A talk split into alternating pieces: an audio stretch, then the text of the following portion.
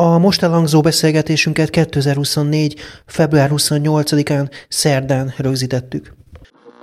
Média 1. A média1.hu hírportál műsora. Mi történik a tévék, a rádiók, az online sajtó és nyomtatott lapok világában? Kiderül a Média 1 műsorából. A mikrofonnál Szalai Dániel.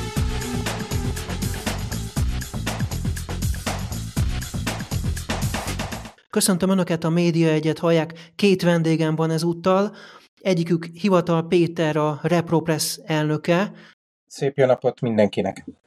És Kovács Tibor, a Magyar Lapkiadók Egyesülete elnöke. Üdvözlöm a hallgatókat, szervusz Dani!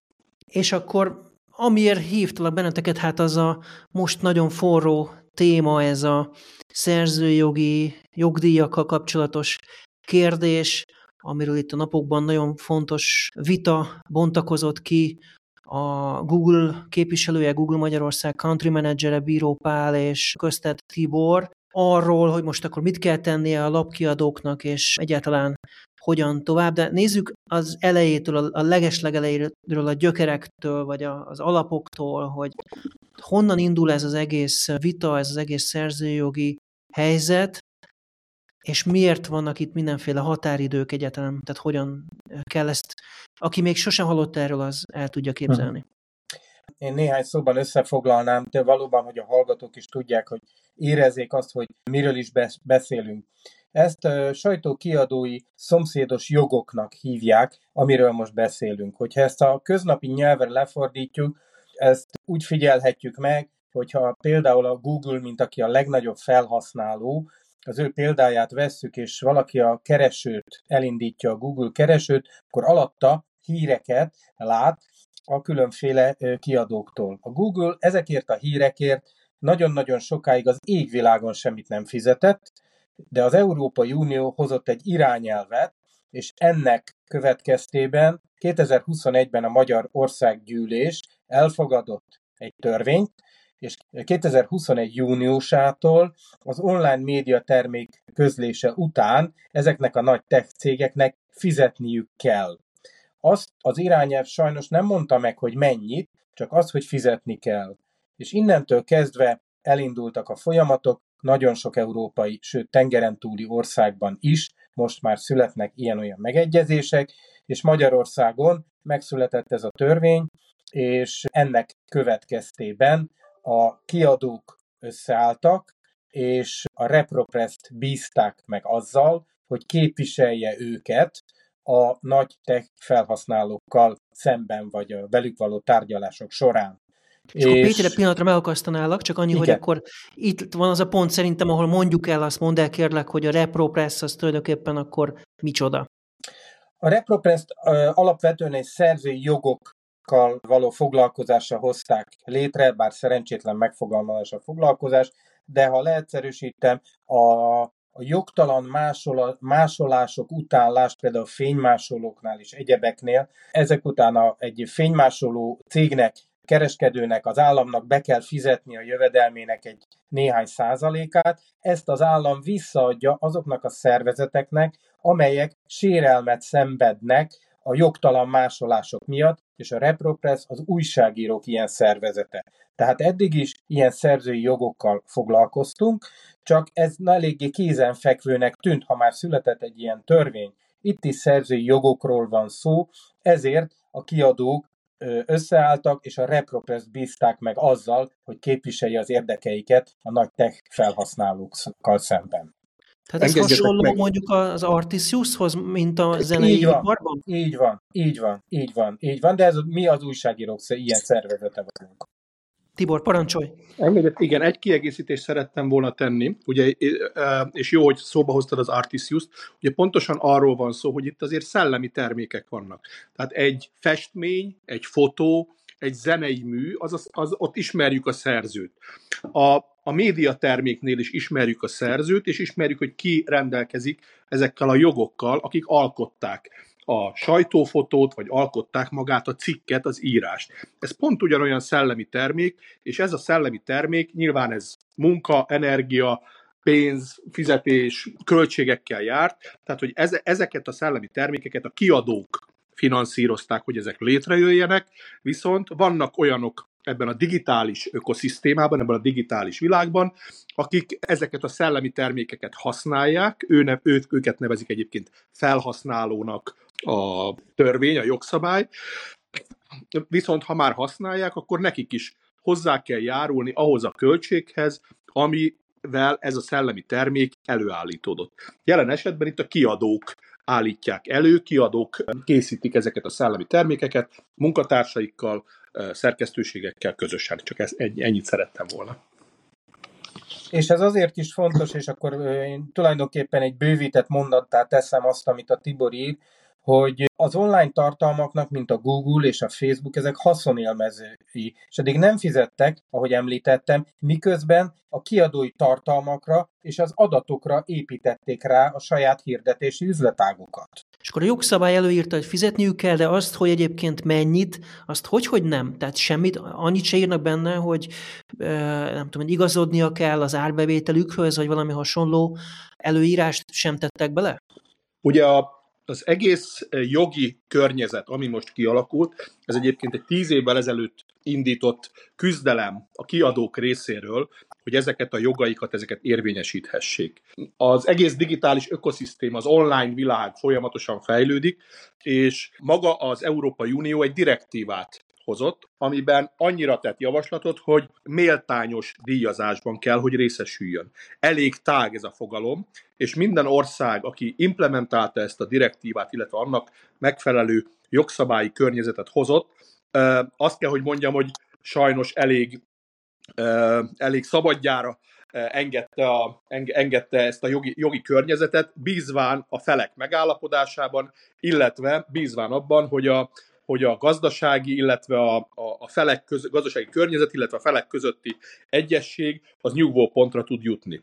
Akkor, amikor két fél a felhasználó, aki innentől kezdve fizetnie kell, és a jogosult, a kiadó, aki reméli, hogy a, a szellemi termék után kap valami méltányos díjazást, innentől kezdve nyilván ellenérdekeltek, tehát egy nagyon nehéz egyeztetési folyamat az, ami, ami vár, vár a kiadókra, és hát a magyar helyzet az ilyen szempontból megint különös, mert itt a kiadói összefogással mégiscsak létrejött egy olyan erős közösség, aki együtt kívánja, kíván, kívánja érvényesíteni eh, az ő elképzelését, hogy mi is a méltányos díjazás.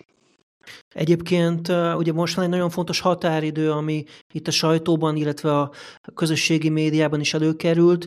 Hogy jött ez a határidő, és ugye 2021-et említettétek, hogy akkor vette át a magyar jogalkotás ezt az uniós szabályozást, és ehhez képest most 2024 márciusban. Hogy jutunk el ideig, hogy ennyi idő eltelik, és még, ha jól értem, akkor nincsen megállapodás, de most valamilyen fontos pillanat következik.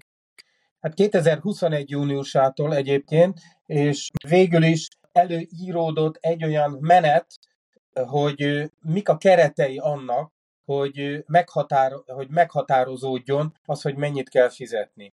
És ezek a keretek, ezek alakultak úgy, hogy a díjszabást el kellett készíteni megfelelő hatástanulmányjal, ez egy nem régi ne, nem túl régi törvény módosítás volt, hogy a hatástanulmányt is mellé kell tenni, és ennek volt egy menete, hogy ez végigmenjen, ezt be kellett nyújtani a Szellemi Tulajdon Nemzeti Hivatalához. Ők ezt véleményezték, megvizsgálták, velünk is konzultáltak, stb. stb. stb. És ezek után ők egy bizonyos javaslattal tovább felterjesztették az igazságügyi minisztérium számára, és ennek az igazságügyi minisztérium döntési határideje jár most le a közeljövőben, az elkövetkezendő néhány napban. Nagyon fontos, eh, amit most a Péter mondott, és talán kicsit a LinkedIn-en ez a, ez a eh, komment eh, vita is erről szólt, hogy nem a kiadóknak van most határideje, hanem a minisztériumnak. Tehát, hogyha ha szabad piacon versenyszerűen gondolkodunk, már pedig mégiscsak egy, egy, egy, egy, egy szabad piac, a médiapiac, meg pláne a maga szabadságával él, akkor igenis fontos tudni egy kiadónak, hogy, hogy milyen lehetőségek közül választhat. A mi jogi értelmezésünk és egy elég komoly, hosszú fölkészülés során az, az, az egyértelmű, hogy ez a választási lehetőség a kiadókat megilleti, annak ismeretében, hogy a, a jogalkotó, a miniszter közzé teszi, kihirdeti esetlegesen ezt a, ezt a, a jogdíj szabályzatot, és annak ismeretében kell a kiadónak, kiadóknak dönteni, ezt megnézik, megismerik, eldöntik, hogy továbbra is a ReproPress keretein belül mennek ebbe, a, ebbe, a, ebbe az irányba, vagy hogyha ők úgy ítélik meg, hogy ők egyedül akarnak a Google-lel, vagy bármilyen más felhasználóval tárgyalni, és egy külön megállapodást kötni, az is az, is az ő, ő döntésük, de minden esetre eh, nincs most ilyen, ilyen határidő. Hogyha ha a, a, a jogdíj szabályzat életbe lép, akkor is van ideje a kiadónak megismerni, és annak ismeretében hát minimum 5-6 napon belül persze, hogy, hogy el tudja dönteni, hogy melyik irányba megy, de e, azt kell, hogy mondjam, hogy a miniszteri, miniszteri e, ha, ha közzéteszi a, a jogdíj szabályzatot, akkor azt gondolom, hogy mire, mire az elindul, az minimum 30 nap, mikor azt mondjuk, hogy na jó, akkor itt vagyunk, és üljünk le, kedves felhasználó, és akkor, akkor itt van, mi képviseljük a reprezentatívan a, a teljes magyar médiapiacot, kivéve azokat, akik jelezték, hogy nem kívánnak, külön akarnak tárgyalni. Hogyha Ugye precíz Google... dátumokra vagy kíváncsi, nekünk október végén, novemberben kellett az STNH-hoz benyújtanunk végül is a díjszabást, és az STNH-nak 2024. február másodikán kellett javaslattal továbbadni az igazságügyért felelős miniszternek, és neki 30 napon belül kell döntést hoznia. Tehát ezért tartunk most itt, hogy szinte bármely nap várjuk azt, nyilván ez a 30 nap lehet kevesebb, bár most már sokkal kevesebb nem lehet, de ezért várjuk most már az igazságügyminiszter döntését. Ugye itt az iparág arra számít, hogy akkor nagyjából jövő héten meg lehet ez a döntés, talán már hétfőn is, vagy valahogy így. Viszont a Google képviselője, akivel egyébként ugye én beszéltem külön is, és a LinkedIn-en is ugye arról posztolt, hogy a kiadóknak dönteniük kell, hogy akkor most a Google-lel közvetlen megállapodásra maradnak, vagy ezzel a közös jogkezelővel, amit ti képviseltek, és hogyha valaki nem dönt, akkor benne marad ebben a közös jogkezelésben. Hogy kell ezt elképzelni, hogyha valaki nem akar maradni, akkor mit tehet, hogy teheti meg, és akkor most van-e ilyen határidő, hogy neki ki kell lépnie, akkor mondjuk március egyig vagy sem. Mert hogy a Google azt mondja, hogy ha marad, akkor ennek mindenféle szankciói lehetnek, akár kiveheti a, a kis előzetes szövegeket a, a keresőből, amíg ez a jogvita, ami kialakulhat, le nem zárul. Igen, ez egyébként elég jól összefoglaltat, hogy ezek történtek. Semmiféle olyan kötelezettség nincsen, hogy aki ezt a szándéknyilatkozatot felénk aláírta, az most már röghöz kötötte magát. Tehát itt végül is az ő döntése az, hogy hogyan megy tovább. A tapasztalat az azt mutatja, általában, és nem csak Magyarországon, hanem más országokban is, hogy a Google az egyéni megállapodásokkal kevesebbet szokott fizetni, mint általában a közösen összeálló kiadók. Nyilvánvalóan mi a díjszabást még, ha, ha meghozza az igazságügyminiszter a döntést, akkor tudjuk ö, igazából közétetni, de olyan jelentős összegről van szó, még úgy ö, meg kikalkulálva a százalékokat is, hogy azok ne legyenek magasak. Tehát amit Tibor említett, hogy ez méltányos legyen, akkor is úgy gondoljuk, hogy olyan összegekhez juthatnak a kiadók rajtunk keresztül, anélkül, hogy nekik ezzel bármilyen fáradtságuk lenne, amely egy elég jelentős és valószínűleg több annál, mint amikor a Google egyenként ö, állapodik meg a kiadókkal. És hát helyezem, bocsánat, bocsánat csak, igen, mondja Tibor. helyezem egy kicsit abba a kontextusba ezt a történetet, hogy azért mégiscsak, eh, ahogy korábban is említettem, egy szabad piacon eh, eh, dolgozunk, és mindenki maga dönti el, hogy, hogy mit tesz. Két évvel ezelőtt a kiadók maguk eldöntötték, hogy összeállnak, és közösen indulnak ebbe, a, ebbe a, az érdekérvényesítésbe. Ez alatt az idős során a kiadók közösen határozták meg a díj szabás a, a, a hatástanulmány ismeretében a díjszabás mértékét, amit a Péter úgy, úgy jellemzett, hogy szerintünk ez méltányos, és lehet, hogy magasabb annál, mint hogyha csak egyedileg tárgyalna valaki egy felhasználóval. És a harmadik mondás, hogy mindaddig, amíg egyébként nem ismerjük a másik alternatívát, addig, addig azt gondolom, hogy ez egy inkább egy, a felhasználó, jelen esetben a Google érdeke, hogy sürgessen valakit a döntésben, hiszen ő már ismeri, hozzáteszem, ő már ismeri a, a jogdíj mértékét és az, a kiadók javaslatait, a repropress javaslatát, tehát azt gondolom, hogy ez az ő érdeke, hogy ez sürgesse.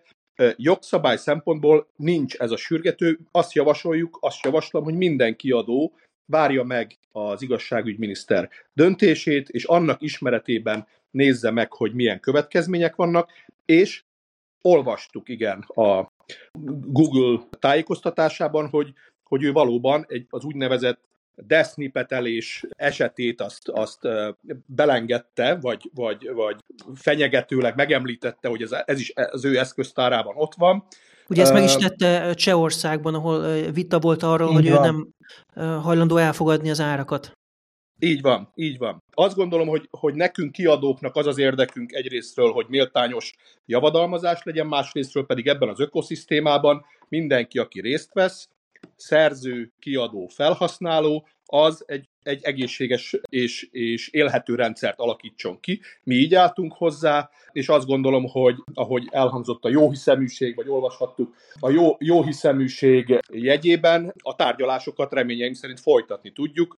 A, a, a jogdíj tervezet, vagy a jogdíj rendszer ismeretében a felhasználókkal. Csak egy apró korrekció, Csehországban elsősorban nem is talán a mértéke volt a vita, hanem a büntetés mértéke volt fenyegető, és erre hivatkozott a Google a desznipeteléskor, amikor a rövid részleteket eltüntette. Tehát nyilván minden ország, minden rendszer más, itt ha lehet egy kis rendszerkritikát megfogalmazni, talán pont ez a nehézsége az Európai Uniós direktívának, és hát a magyar jogszabályi környezet is kevés kapaszkodót adott ebben a történetben, de igyek, igyekszünk hatástanulmányjal alátámasztani, nemzetközi példákkal alátámasztani, és a hazai kiadók szándékát képviselve megfogalmazni a, a, a méltányos jogdíj mértékét. Annyit akartam mondani, hogy, hogy érdemes a kiadónak megvárni, hogy megszülessen a döntés, hiszen akkor megszületik a díjszabás.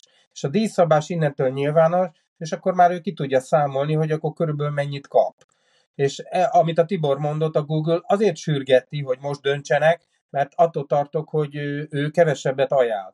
És még azt is fontos hozzátenni, hogy ez azért is lehet így, mert szintén a, a Tibor említette, az STNH folyamatában, amikor hozzá bekerült a díszabás javaslatunk, amit engedélyeztetni szeretnénk, a Google-nak joga volt ezt megtekinteni. Tehát ő pontosan tudja azt, hogy mi mennyit kínálunk. Tehát innentől kezdve az, hogy ő most sürgeti a kiadókat a döntésre, hát ez e, e, úgy érezzük, hogy ez arra utal, hogy ő nem szeretne ennyit fizetni.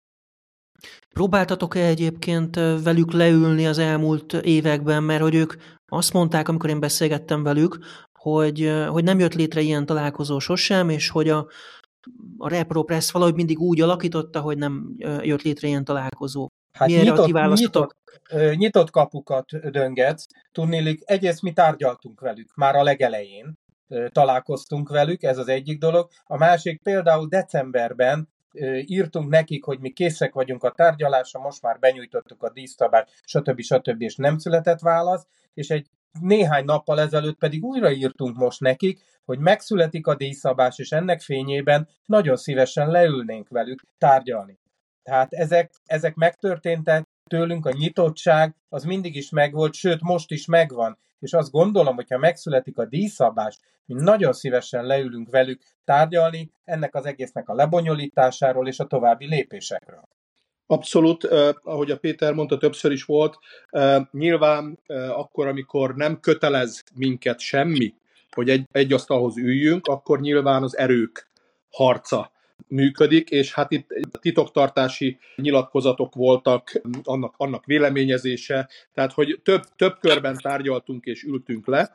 Az egészet azt színesítette, hogy a 2021-es törvény életbe lépő törvény elfogadása után még 2023 nyarán volt egy, még egy törvénymódosítás, ez a hatástanulmányjal kapcsolatos, de ebben a, ebben a fázisban is amikor a hatástanulmányt kellett készíteni, a ReproPress és a kiadók megkeresték a felhasználókat, hogy akár adjanak adatot, vagy segítsék ezt a hatástanulmány elkészítését, vagy a módszertan véleményezésével a rendszer kialakítását. Tehát abszolút magunk részéről azt gondolom, hogy jó hiszeműen és, és, és konstruktívan álltunk, álltunk ehhez a helyzethez, és ahogy a Péter mondta, továbbra is így. Tehát a, a megkeresésünk és a, és a meghívás a, a folytatásra, a, a párbeszédre az él.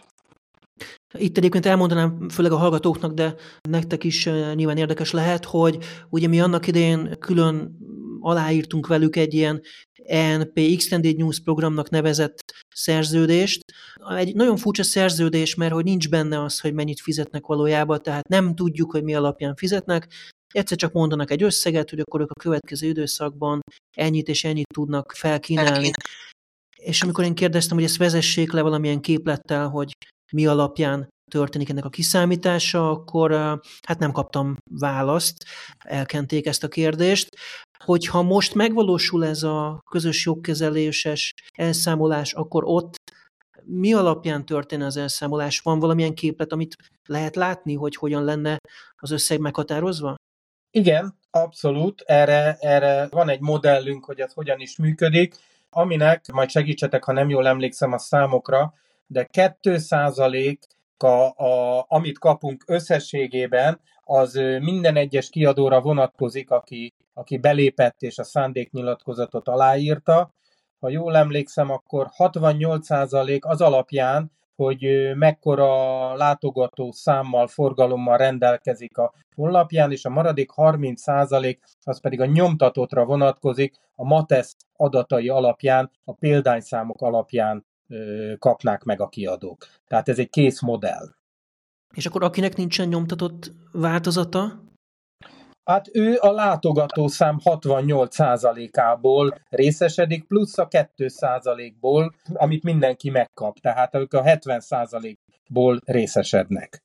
Így van. Nagyon fontos, amit a Péter mondott, ez egyébként ugyanúgy nyilvános, és a ReproPress honlapján elérhető, hozzáférhető, és ez az egyik oldala, hogy mi alapján kerül szétosztásra. És ebben hagyd tegyek egy kis egyszemélyes megjegyzést a magam részéről. Nyilván érdekes, hogy digitális jog kapcsán miért beszélünk a példányszámról. Hát bizony azért, mert hogy a, a digitalizáció ilyen formán, és a hírek és a, a szellemi termékek intenzív digitális felhasználása érintette a print piacot is. Ez egy, azt gondolom, hogy a közeljövőben ez még egy méltányolandó szempont, hosszú távon nagy valószínűséggel ez, ez már nem tud értelmezhető dimenziót ölteni ebben a rendszerben de az első ajánlat, vagy az első szétosztási javaslatban a kiadói közösség ebben állapodott meg. Tehát még egyszer mondom, ez egy saját szándék alapján a csatlakozó és képviselt kiadók és, és ReproPress tagok ebben állapodtak meg, tehát hogy ez, ez egy teljesen transzparens a kiadók számára. Mint ahogy egyébként a jogdíj beszedése is, a, illetve a jogdíj mértéke is teljesen transzparens, hogyha jóvá hagyja az igazságügyi miniszter. Tehát, hogy ott is egy, egy módszertan alapján, egy kalkuláció alapján történik a díj meghatározása. És még annyival kiegészíteném, hogy ez nem egy kőbevésett dolog ezek a százalékok, amit elmondtunk, hanem ez a jelenlegi állapotot tükrözi. Tehát ahogy arra Tibor is utalt, azért az, hogy a, a print példányszám hogyan fog alakulni, mi is mindannyian tudjuk, hogy nem tudom hány év múlva de itt nyilván lesz, lesz a printnél még valamilyen csökkenés, akkor néhány egy vagy két, két év múlva, vagy több év múlva, de minden esetre felül fogjuk vizsgálni ezt a rendszert, tehát ezt nem akarjuk úgy kőbevésni, hogy már pedig a print az, az most már örökre így marad, mert mi is követni akarjuk a piaci tendenciákat. Most tartunk egy icipici kis szünetet, és aztán rögtön folytatjuk a Média egyet. Kérem, hogy maradjanak velünk. Média 1. A média1.hu hírportál műsora. Mi történik a tévék, a rádiók, az online sajtó és nyomtatott lapok világában? Kiderül a Média 1 műsorából. A mikrofonnál Szalai Dániel.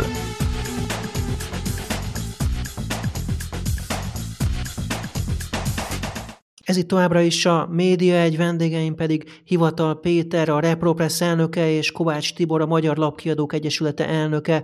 És a szünet előtt ott hagytuk abban, hogy a Google és a kiadók, illetve a ReproPress között van egy, hát egy egyelőre eléggé vitásnak ígérkező helyzet, és a következő napokban fontos fejlemények várhatóak, amik érinteni fogják a magyarországi tartalomgyártókat, cakli-pakli, úgy mindenkit tulajdonképpen, illetve hát kérek is egy pontosítást, hogy minden egyes lapkiadót, minden egyes portál tulajdonos, vagy ki az, akikre vonatkozik egyébként ez a jogdíjakkal kapcsolatos tarifa, ami éppen elfogadás alatt van? Gyakorlatilag a, a sajtó kiadványok kiadóira vonatkozik ez, és de természetesen ez, ez nem, nem csak a printet, sőt, egyre kevésbé a printet, tehát mindenki, aki sajtókiadványnak minősül, azokra ez vonatkozik. Így van. Ennek nyilván megvan a definíciója a hazai média szabályozásban, hogy mi minősül sajtókiadványnak. Ugye egy, egy nagyon fontos, hogy, hogy a ReproPress, mint ilyen szempontból akkor már mondhatjuk azt is, hogy a digitális kiadókat képviselő jogdíj kezelő szervezet, az ő érdeke pont a tagságából és a csatlakozók összetételéből, ami a ki, sajtókiadókat jelenti, az, hogy a lehetőség szerint maximalizálja, tehát a legnagyobb eredményt érje el ebben a, ebben a, ebben a, a helyzetben, ebben a tárgyalásban. Tehát itt ilyen szempontból az, e, az egység, a minél nagyobb reprezentativitás az, ami ilyen szempontból célra vezető, de ennek, de természetesen nyilván minden kiadó maga eldönti, hogy egyedül, egyedül könnyebbe tárgyalni a Facebookkal, Google-lel és bármelyik nagyjal, vagy, vagy közösségben teszi. Másik nagyon fontos, és Péter talán jobban tudja, tehát hogy, hogy nyilván vannak a ReproPressnek tagjai, csatlakozói és a reprezentativitás miatt nagyon sok kiadványt, sajtókiadványt képvisel, és ennek megfelelően kell a jogdíj mértékét is meghatározni, illetve azt a szétosztási mechanizmust, ami biztosítja, hogy minden sajtókiadót képviseljünk, és minden sajtókiadó, kiadvány részesedhessen ebből a jogdíjbevételből. Mi a helyzet külföldön, tehát eh, nem Magyarország nyilván az egyetlen, ahol ez a kérdés fölmerül, hiszen említettük az elején, hogy ez egy EU-s szabályozásnak a magyarországi átültetése. Mit sikerült elérni a többi országban, mit lehet tudni az ottani tarifákról, és mondjuk a magyar tervezett tarifák azok hogyan aránylanak azokhoz? Hát erről azt hiszem egy külön beszélgetést lehetne lebonyolítani. Tudnélik, rengeteg megállapodás született, de olyan egységes, és egyébként olyan, mint, mint a miénk, akik véglegesen az összes kiadót képviselve meg tudjanak állapodni a nagyokkal, ilyen nem született, hanem részmegállapodások születtek, egyes kiadókkal születtek megállapodások. Németországban például előleg megállapodás született, amikor is a Google most fizet egy bizonyos előleget, de majd később születik döntés arról, hogy mennyi lesz a végleges. Tehát ilyenek is vannak, úgyhogy rendkívül színes a paletta. Hát mi megpróbáltuk összeszedni azokat, amelyikre úgy gondoljuk, hogy relevánsan működhetnek Magyarországon, és azt kell, hogy mondjam, hogy azok a százalékok, amiket mi beletettünk ebbe a díjszabásba, tulajdonképpen a, az alsó közepet képviselik általában ezekhez a szá- külföldi százalékokhoz képest. Nagyon fontos dolog az, amit a Péter mondott, hogy nincs ilyen, és itt ilyen szempontból azt kell, hogy mondjam, hogy eh, ha a kritika is elhangzott, talán, talán dicséret is hangozzék el a magyar jogalkotás kapcsán, elég progresszív, előremutató volt az a megközelítés, hogy a, az, a más iparágakban, szerzői iparágakban, például a zeneiben is, a digitális jogok kapcsán követte a hazai gyakorlatot a jogalkotó, azaz lehetőséget adott egy közös jogkezelő, létrehozására és egy tarifa rendszer kidolgozására, ami egyértelmű, transzparens, a, mind, a, mind a jogtulajdonosok, mind a felhasználók számára ismert és átlátható. Ilyen nincs, talán ami, ami azt kell, hogy mondjam, hogy másik unikális példa, hogy a Google Kanadában a kanadai kormánynak a, talán törvénybe iktatott hozzájárulás fizetett a kanadai kormánynak 100 millió kanadai dollár fizetett a kanadai sajtó kiadványok után, Úgyhogy hát tényleg nagy, nagy, nagy pénzekről beszélünk. Itt fontos ismerni a piac méretét, a reklámpiac méretét, a hirdetési piac, a, a felhasználók digitális hozzájárulását a, a, a, az ökoszisztémához. Sok mindent figyelem vettek, vesznek, tehát hogy egy referen, egyik ilyen referencia pontunk például a kanadai. Ilyenkor arányaiban, hogyha nézzük, akkor ebből mi a cél, hogy egy embernek a bérét megfinanszírozni, vagy öt emberét, vagy tehát hogy lehet ezt valahogy kifejezni ilyen formában? Hát szerintem inkább a méltányosság oldaláról indultunk neki.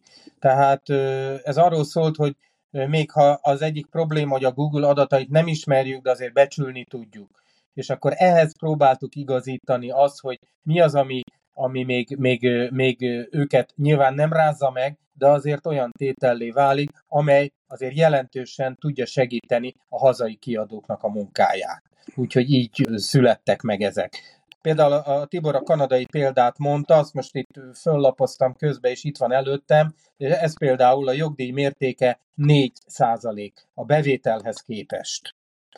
Tehát körülbelül ilyenekről beszélünk. Igen, hogy az arányokat érezzük, azért nyilván nemzetközi szervezeteken, kanadai szerkesztőségekkel kapott információk alapján, ha nézzünk egy ilyen benchmarkot, egy ilyen összehasonlítási alapot, akkor azt látjuk, hogy ez a 100 millió kanadai dollár, amit juttattak, abból 60, 60 valahány millió dollár jut a sajtókiadványokra, és visszaosztva a sajtókiadványoknál dolgozó munkatársak létszámával és az ő keresetükkel, akkor az látható, hogy körülbelül egy e, olyan 20-22 ezer kanadai dollár jut kvázi egy újságíró után. És akkor kérdés az, hogy ez mire elég? Hát arra elég, hogy egy, egy újságírónak az átlagos jövedelme az 60, 60 ezer kanadai dollár, tehát hogy kvázi egy harmada, egy éves, a szerkesztőség éves személyi költségvetésének egy harmadát, hogyha megkapja egy kanadai szerkesztőség a Google-től, akkor egy, bennem egy nagyon nagy morális kérdés, hogy a magyar szerkesztőségek miért ne kaphatnának ugyanennyit vajon másodrendűek vagyunk a Google szemében, Európában, vagy másodrendűek vagyunk Magyarországon? Azt gondolom, hogy ez, ez, ez nem, nem, csak, nem csak üzleti kérdés, ez több annál, ez a szabad sajtópiac, a demokrácia, a, a, a média finanszírozása és a média anyagi függetlenségének a fundamentuma, hogy, hogy bizony a világban ki tud Magyarországról híreket előállítani a nagyvilág számára, azt gondolom a magyar szerkesztőségek, tehát ez valahol kicsit elcsépelt szó mostanában, de a magyar média szuverenitását biztosítja, hogy méltányos legyen, és összevethető akár a kanadaival. Csak e, e, ehhez a gondolathoz egy picit kapcsolódva, ezért így szorgalmazunk a velük való tárgyalást hiszen már rengeteg példa van a nagyvilágban ilyen-olyan megállapodásokra, amelyet a Google kötött, és hogyha megszületik a díjszabás, akkor, akkor van egy olyan helyzet most már, amik, amire nekünk is van mire pontosan támaszkodni, és ezért szeretnénk mindenképpen a Google-lal tárgyalni, hogy ők ezt hogyan értékelik, és hogyan tudunk egy közös nevezőre jutni. Tibornak a felvetésére szerettem volna reagálni, hogy különbözik ugye az adott országokban a, a tarifa. Az derült ki számomra a Google leveló beszélgetés során, hogy országonként a, a GDP, tehát a, a, a gazdasági teljesítmény az, ami meghatározó. Ők azt mondják, hogy más bevételük származik mondjuk Bulgáriában, ahol mondjuk fele a magyarnak, és mondjuk Írországban, ahol meg mondjuk másfélszerese, tehát hogy van egy ilyen szorzó, és ugye ettől függ az, hogy ők mennyit fizetnek, de ez sem tiszta teljesen egyébként azok számára, akik közvetlenül megállapodnak, hogy mennyi lesz az összeg, mennyi ez a szorzó, nincsen egy képlet, ahol ezt meg lehetne nézni, hogy mi alapján Igen, számol. egyébként hozzá kell tenni, hogy a GDP-t azt mi is figyelembe vettük. Tehát mi megpróbáltunk, amikor a díjszabást meghatároztuk, akkor már nagyon-nagyon sok példa létezett. Volt, aki GDP arányosan, volt, aki egyéni megállapodás arányosan, volt, ahol az előleg adott némi támpontot, volt, ahol, ahogy a Tibor említette, az, hogy, hogy mennyi egy szerkesztőköltsége, nyilván Magyarországon ez nem pont ugyanaz, de mi ezeket mind-mind összeszedtük, belegyúrtuk, és ebből próbáltunk egy olyan reális tarifa táblázatot létrehozni, amely tulajdonképpen a kiadóknak is egy jelentős összeget jelent, és a Google számára is a méltányosságot jelenti, és ő, ő ezt ki tudja úgy fizetni, hogy ettől a Magyarország egy bevételei nem fognak jelentősen csökkenni. Ugye ami, ami ilyen szempontból szerintem érdemes megint mérlegre tenni, hogy a Google bevételeiről, és bármelyik felhasználó, globális kapuőr, nagy felhasználó, bárminek is nevezzük, csak ő és egyedül ő rendelkezik adott országra vagy adott médiumra vonatkozó adatokkal.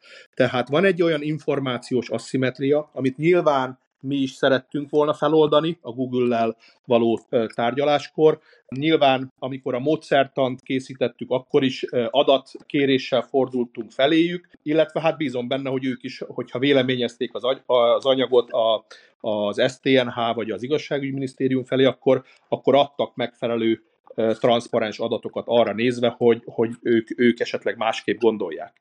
Sokat beszélünk a Google-ről, és az igazság és a tisztesség megkövetelő, hogy azt is elmondjam, hogy más nagy felhasználók egyáltalán nem reagáltak erre. Tehát ilyen szempontból a Google valóban egy elérhető, megtalálható, megközelíthető, megszólítható, és az érdekei szerint válaszra is méltat minket. Tehát egy, egy ilyen szempontból messze előremutató compliance magatartást mutat, úgyhogy azért a tisztesség kedvéért ez, ezt is hozzá kell tenni, tehát párbeszédben vagyunk, és szeretnénk maradni. Ehhez tartozik az is, hogy ugye ott van mondjuk akkor a Facebook, ott van a Microsoft, ott van a Yahoo, és még jó pár keresőmotor és egyéb ilyen platformok. Ezekkel kapcsolatban mi most a helyzet, tehát például ebben a díjszabásban róluk is esik majd szó? Természetesen. A díjszabás az mindenkire vonatkozik. Az más kérdés, hogy a Tibor említette, hogy most a Google-lal lesz remélhetőleg egy olyan helyzet, hogy pontosabban reméljük, hogy meg, tudjuk, meg tudunk állapodni, de valuk, velük van egyfajta kommunikáció. A többiektől egyelőre elzárkózásról van szó. De mondjuk azt is tudni kell, hogy a legnagyobb szereplője ennek a piacnak a Google. Tehát az érdekeink azt kívánják, hogy legelőször vele állapodjunk meg. És természetesen ezzel párhuzamosan a többiekkel is próbáljuk felvenni a kapcsolatot, és talán itt fogjuk a, igénybe venni a nemzetközi segítséget, mert vannak olyan országok, Franciaország, ahol a, a Facebookkal már született valamiféle megállapodás, és a franciák segítségét fogjuk kérni, hogy a, a Facebookkal dűlőre jussunk, de egyelőre a erőinket arra tudtuk koncentrálni, hogy a díjszabás tisztességes, jó megalapozott legyen, és a legnagyobb szereplővel felvegyük a kapcsolatot. Mindenkit értesítettünk, Facebooktól a Bingig mindenkit, természetesen ez megtörtént. Egyelőre, ahogy a Tibor említette, a Google az, akivel a legígéretesebb az, hogy valamiféle dűlőre tudunk jutni. De természetesen lépünk tovább, és a többieket is megkeressük, és őket is a díjszabás alapján fizetéssel próbáljuk kényszeríteni. És szintén nagyon fontos kérdés, hogy mi van azzal az időszakkal, ami 2021 nyara óta eltelt egészen mostanáig a várható tarifa hirdetésig, tehát a kettő közötti periódusra be lehet hajtani a pénzt visszamenőleg, amikor még nem született meg ez a közösségek közelünk keresztüli megállapodás? Erre törekszünk, egyértelműen.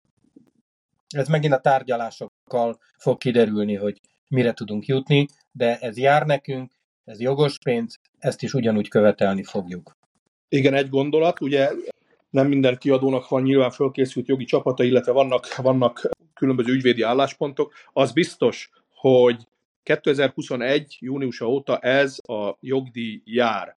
Ha létrejön a, létrejön a tarifa, akkor abban az esetben nyilván 2022 után már már fizethetünk, vagy 23 után már fizetni kell, vagy, vagy, vagy érvényesíthető. Az azt megelőző időszakra ugye nagyon fontos, hogy a magyar PTK szerint 5 év az elévülési idő, tehát hogy ezt az igényt mi a következő időszakban ezt érvényesíteni akarjuk, úgyhogy ez is ott van az asztalon, de az első az, hogy minél gyorsabban induljon el a jogdíj érvényesítése, és ezért volt fontos a közös jogkezelő, a ReproPress felkészítése erre. Hogyha ez elindul, hogyha létrejön a megállapodás, gondolom ezt majd a felek nyilván be fogják jelenteni, hogyha ez megtörténik. Utána az egyes média tulajdonosoknak milyen teendője lesz minden hónapban, küldeniük kell egy számlát a ReproPressnek kiállítva, vagy hogy kell ezt elképzelni technikailag?